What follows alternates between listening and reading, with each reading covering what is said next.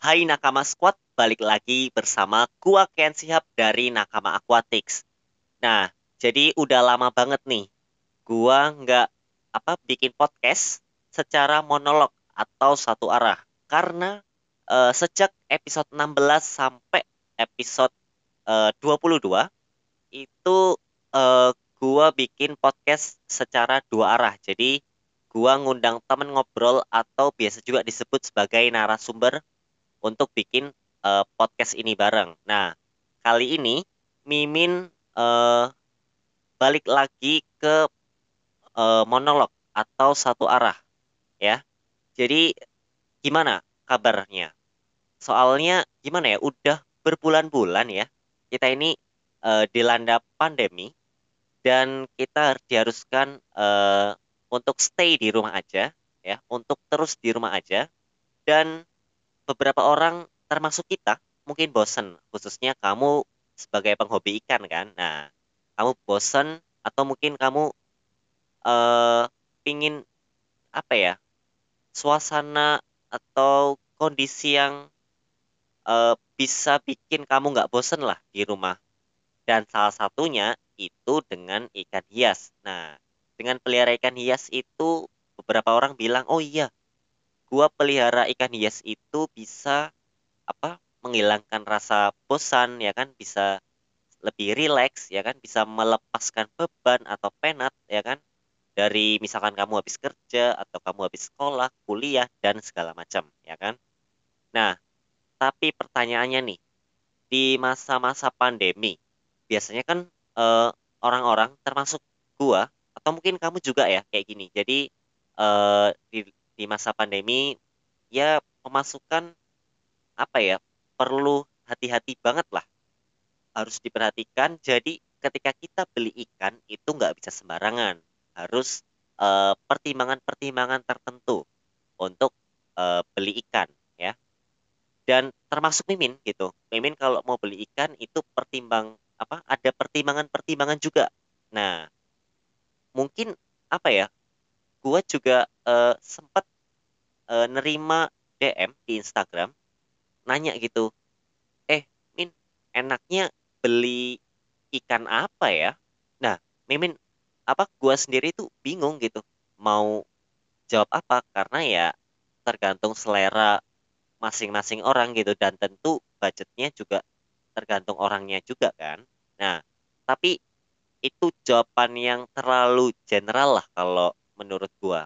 Dan gua ada beberapa tips atau bukan tips sih lebih ke kerangka ya. Kerangka atau cara berpikir. Jadi kamu nentuin beli ikan apa itu nggak terlalu abstrak banget. Jadi ada pertimbangan oh dari sisi ini dari sisi itu. Nah jadi nanti kamu tinggal cari ikan yang sesuai dengan kriteria tadi. Dan misalkan kamu pilih oh dengan kriteria tadi ada ikan A, B, C, ya udah dari tiga ikan itu tinggal kamu pilih. Nah, terus apa aja kriterianya? Nah, yang pertama jelas budget. Nah, budget nih. Misalkan kamu pingin, uh, uh, bukan pingin, punya ya. Kamu misalkan punya uang berapa misalkan? 500 ribu.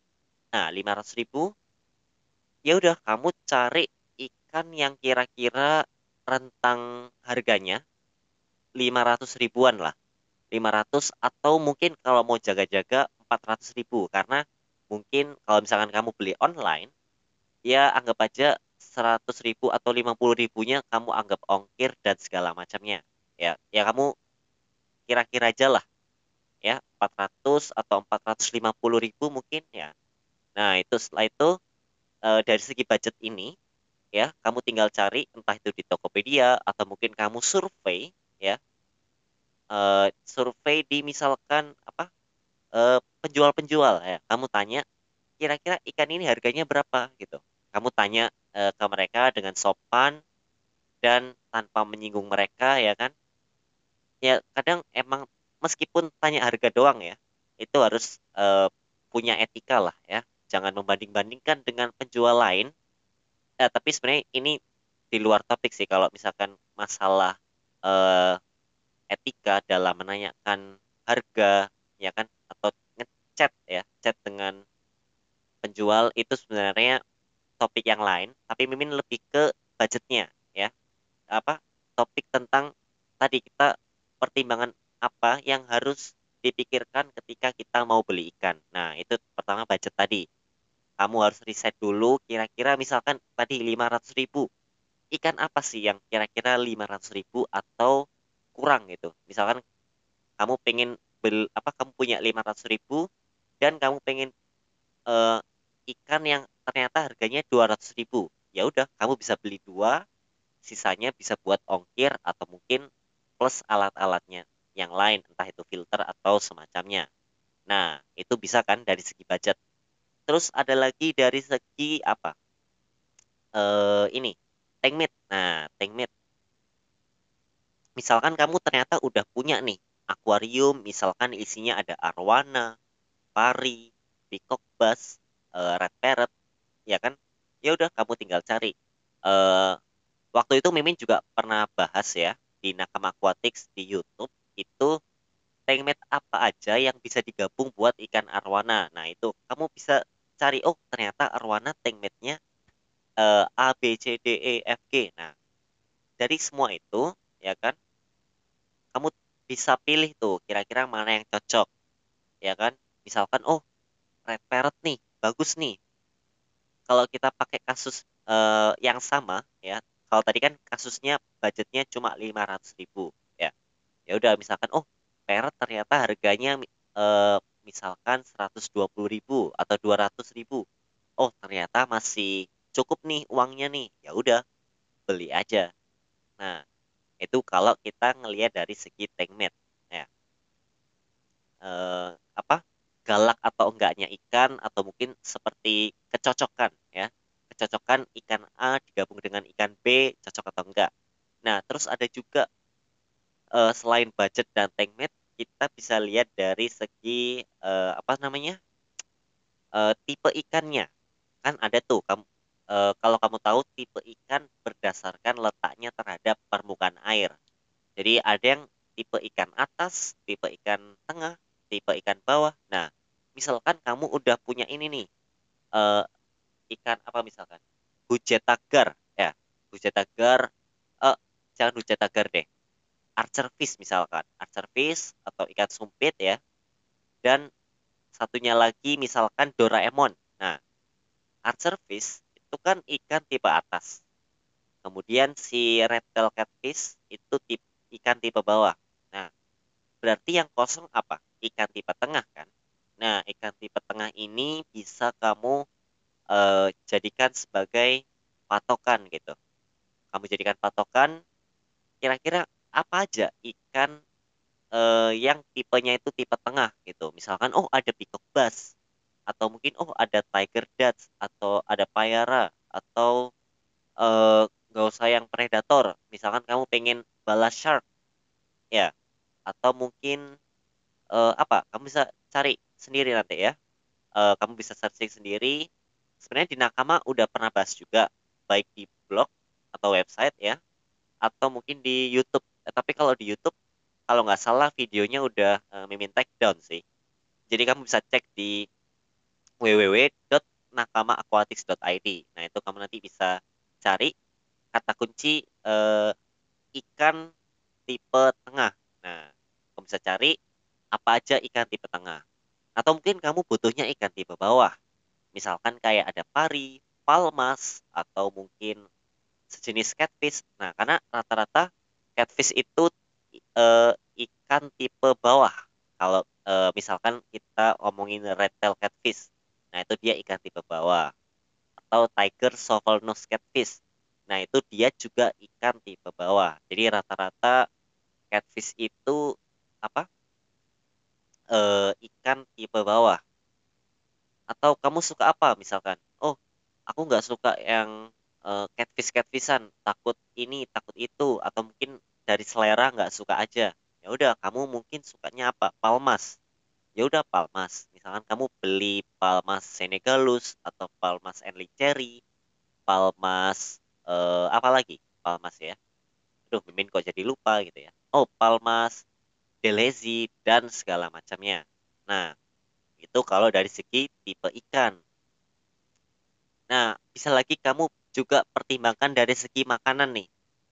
Nah, misalkan kamu eh, di rumah itu cuma ada cacing darah nih. Kamu bisa eh, apa? Kamu cuma bisa memberi makan ikan-ikanmu dengan cacing darah. Ya entah itu karena stok atau mungkin jangkauan kamu ke orang yang jualan eh, pakan-pakan lain, misalkan kayak lele atau moli, cere dan lain-lain itu kamu eh, sulit. Jadi kamu bisanya cuma cacing darah. Ya udah, kamu cari ikan yang bisa makan cacing darah aja gitu. Misalkan sejenis barb. Nah, barb ini kayak misalkan apa ya? Hampala, hampala barb ya. Terus apa? Chinese hyphin itu tipe-tipe ikan yang bisa makan cacing darah atau sinodontis. Nah, itu juga bisa. Nah, apalagi ya? Eh, sejenis eel. Nah, sejenis eel itu lebih fleksibel kalau menurut Mimin ya. Dia ikan tipe bawah dan fleksibel, apalagi kalau termasuk soal makanan. Dia dikasih cacing darah juga mau. Jadi kamu bisa mempertimbangkan, oh, eh, aku butuhnya cuma ikan yang makan cacing darah. Ya udah, kamu tinggal cari ikan yang makan cacing darah. Waktu itu nakama akuatik juga uh, sempat bahas gitu. Mulai dari misalkan ada namanya sun catfish, botia, uh, apa lagi ya? Uh, gua lupa sih, tapi nanti kamu bisa cek aja sendiri di YouTube-nya Nakama Aquatics, oke? Okay? Terus mungkin uh, ini dekorasi. Nah, misalkan ikan kamu, misalkan kamu udah punya ikan ya di tank yang udah ada sekarang, itu ikannya lebih suka berenang bebas ya, berenang bebas, terus nggak uh, suka dekorasi dan segala macam ya berarti kamu tambahin ikan yang suka berenang bebas juga. Jadi apa ya, lebih klop lah, lebih kompak gitu. Karena kalau misalkan dia butuh sembunyi, butuh dekorasi, kasihan gitu, tabrakan. Jadi yang satunya pengen berenang bebas, tapi yang satunya butuh dekorasi. Jadi uh, kurang pas aja menurut Mimin. Mungkin ada orang yang menggabungkan, tapi biasanya itu kalau untuk kasus-kasus tank yang gede ya itu bisa dicampur gitu. Misalkan oh bagian karena tank yang gede sisi yang kiri dibuat banyak dekorasinya terus di sisi yang satunya lagi sisi kanan dibuat uh, lebih hampa. Jadi buat berenang-berenang lebih bebas. Nah itu untuk kasus tank yang uh, apa ya tank yang besar itu kasus yang lain. Tapi kalau misalkan tank kamu kecil ya jangan mencampur adukan karakter ikan yang misalkan satunya suka sembunyi, yang satunya suka berenang, itu menurut Mimin kurang pas aja sih. Tapi nggak tahu ya, kalau kamu punya argumen, uh, silahkan sampaikan ke Mimin. Eh Min, ternyata bisa ini loh, bisa ini loh. Atau mungkin, oh ternyata nggak apa-apa Min. Karena menurut pengalaman aku, bla bla bla bla bla. Nah, kamu bisa juga sharing ya. Uh, langsung DM aja at nakamaaquatics.id ya. Kamu bisa langsung sharing-sharing uh, pengalaman kamu gimana uh, apa namanya tadi gabungkan ikan yang dari segi dekorasi atau dari segi karakteristik. Nah, tadi kalau kita rangkum lagi ya, kita rangkum tadi itu ada apa? Budget, terus ada tank meat, terus ada uh, tipe ikan, nah, terus ada makanan, terus ada lagi kebutuhan kebutuhan atau karakteristiknya ya. Kebutuhannya itu ya maksud tadi yang dekorasi dekorasi ya. Terus apa lagi ya? E, menurut Mimin apa ya? Mimin belum kepikiran sih tapi e, sementara kayaknya itu dulu sih yang bisa kamu pertimbangkan ketika pengen e, beli ikan sesuatu ya. Ya entah itu ikan predator atau ikan kecil-kecil seperti tetra atau uh, cupang gupi atau mungkin denison perp ya kan? Uh, electric cichlid ya atau African cichlid dan lain sebagainya. Kuhliluch uh, apalagi redfish shark itu semua kamu harus pertimbangkan ya. Entah dari budget. Oh ini dari segi tempat. Nah tempat ini juga penting nih tempat ini misalkan ada ikan yang butuh space besar gitu. Ya kamu jangan gabung ke mereka yang tanknya kecil gitu. Misalkan kamu cuma punya tanknya kecil ya nggak bisa gitu. Misalkan kamu pengen beli ikan apa ya uh, ikan gabus yang misalkan katakanlah bisa tumbuh sampai 90 cm nah tapi ternyata tank kamu cuma 60 cm panjangnya. Ya nggak bisa gitu. Karena kasihan ketika tumbuh semakin besar dia nggak ada tempat buat uh, apa ya nggak ada tempat buat dipelihara lagi gitu. Dan itu kasihan gitu kalau kamu paksa ya kan? Atau mungkin ngepas gitu. Tanknya ukuran 60 cm dan ikannya bisa hidup sampai 50 cm ya dari panjang sih cukup ya 50 tapi panjang tanknya 60 tapi dia nggak bisa muter-muter dia nggak bisa berenang atau bergerak secara bebas yaitu kasihan juga. Jadi kamu harus uh, pastikan kamu itu riset dulu gitu. Tadi ada dari budgetnya berapa apa harganya terus tipe ikannya makanannya dan tadi uh, ada apa tipe ikan dan panjang tubuhnya. Panjang tubuhnya ini uh, kadang ada beberapa sumber yang beda ada yang misalkan yang ini 60 cm, yang ini 90 cm.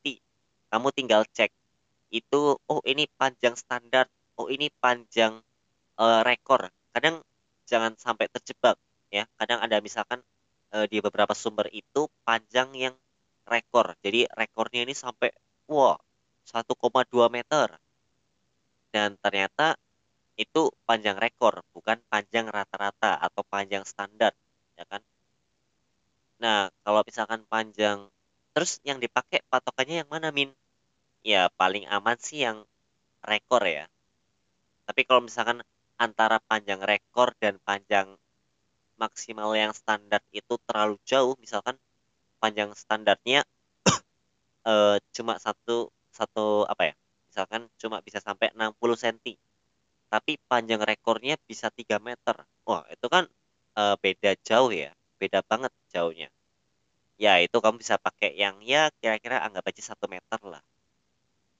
Jadi kita nggak ngikuti yang 3 meter karena 3 meter bisa jadi itu karena dia hidup di alam terus dia ditangkap dan menjadi rekor bahwa oh ini yang terpanjang.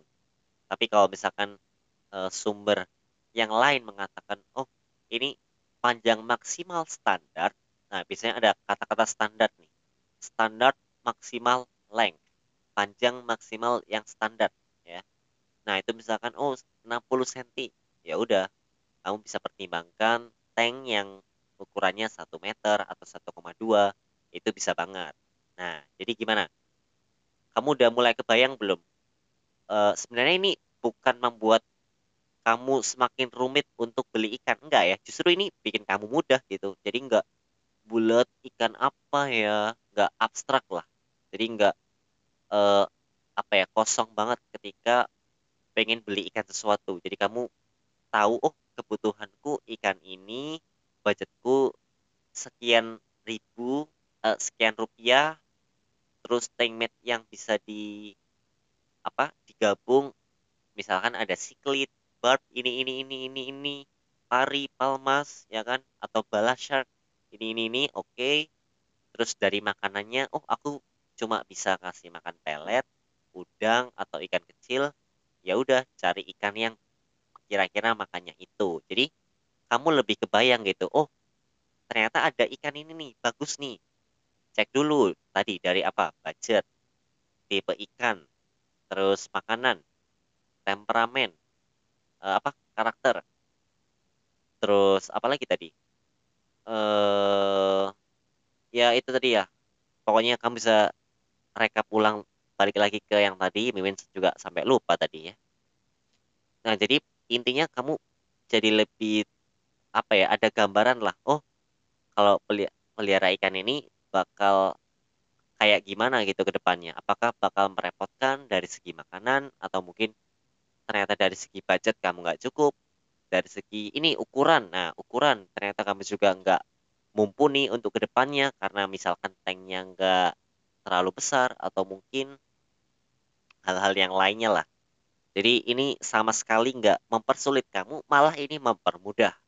Karena kamu jadi lebih ada apa ya, istilahnya ketika kamu tersesat, ini sebagai peta. Jadi kamu emang perlu baca, baca peta tersebut, tapi kamu nggak bakal tersesat lagi gitu. Kamu nggak bakal terlalu ngawang-ngawang. Ngawang-ngawang itu apa ya? Nggak terlalu abstrak, nggak terlalu blank, nggak terlalu kosong, tapi ada gambaran, ada apa ya? Pertimbangan-pertimbangan. Oh, ini ikan yang cocok. Oh, itu ikan yang cocok. Jadi kamu lebih terarah dan jadi lebih mantep gitu kalau mau peliharanya gitu. Oh, ikan red parrot nih. Dia makanya ini panjangnya sekian, habitatnya dia seperti ini. Jadi kamu ketika lebih siap ya, lebih proper, ikanmu juga jadi lebih sehat, ya kan? Eh, atau mungkin ikan yang punya warna, corak warna jadi lebih cerah, ya kan? Sehingga kamu nggak bakal ada kekecewaan gitu ketika memelihara ikan ini. Nah, jadi gimana? Eh, kalau kita rekap lagi ya, tadi ada budget, ada tipe ikan, ada tank mate, ada kebiasaan, sampai ukuran tubuh, uh, ukuran tubuh maksimal dari uh, ikan tersebut. Nah, semoga uh, sharing mimin yang ya singkat lah. Sebenarnya ini di record waktu malam-malam ya. Jadi mungkin maaf kalau ada beberapa kata yang kayak oh ini misalkan kok diulang-ulang terus ya kata-katanya ya. Mimin lagi agak-agak ngantuk lah karena ini lagi malam hari. Tapi semoga uh, episode podcast yang ini bermanfaat lah buat kamu ya. Jadi kamu nggak lebih boros juga karena kamu tahu kebutuhan kamu. Jadi di masa pandemi ini kamu bisa lebih menghemat ya. Dan meskipun menghemat kamu bisa dapat ikan yang kamu butuhkan. Oke? Ya udah eh, sekian dari gua kian siap dan sampai jumpa di uh, episode podcast selanjutnya dari Nakama Aquatics. Dah.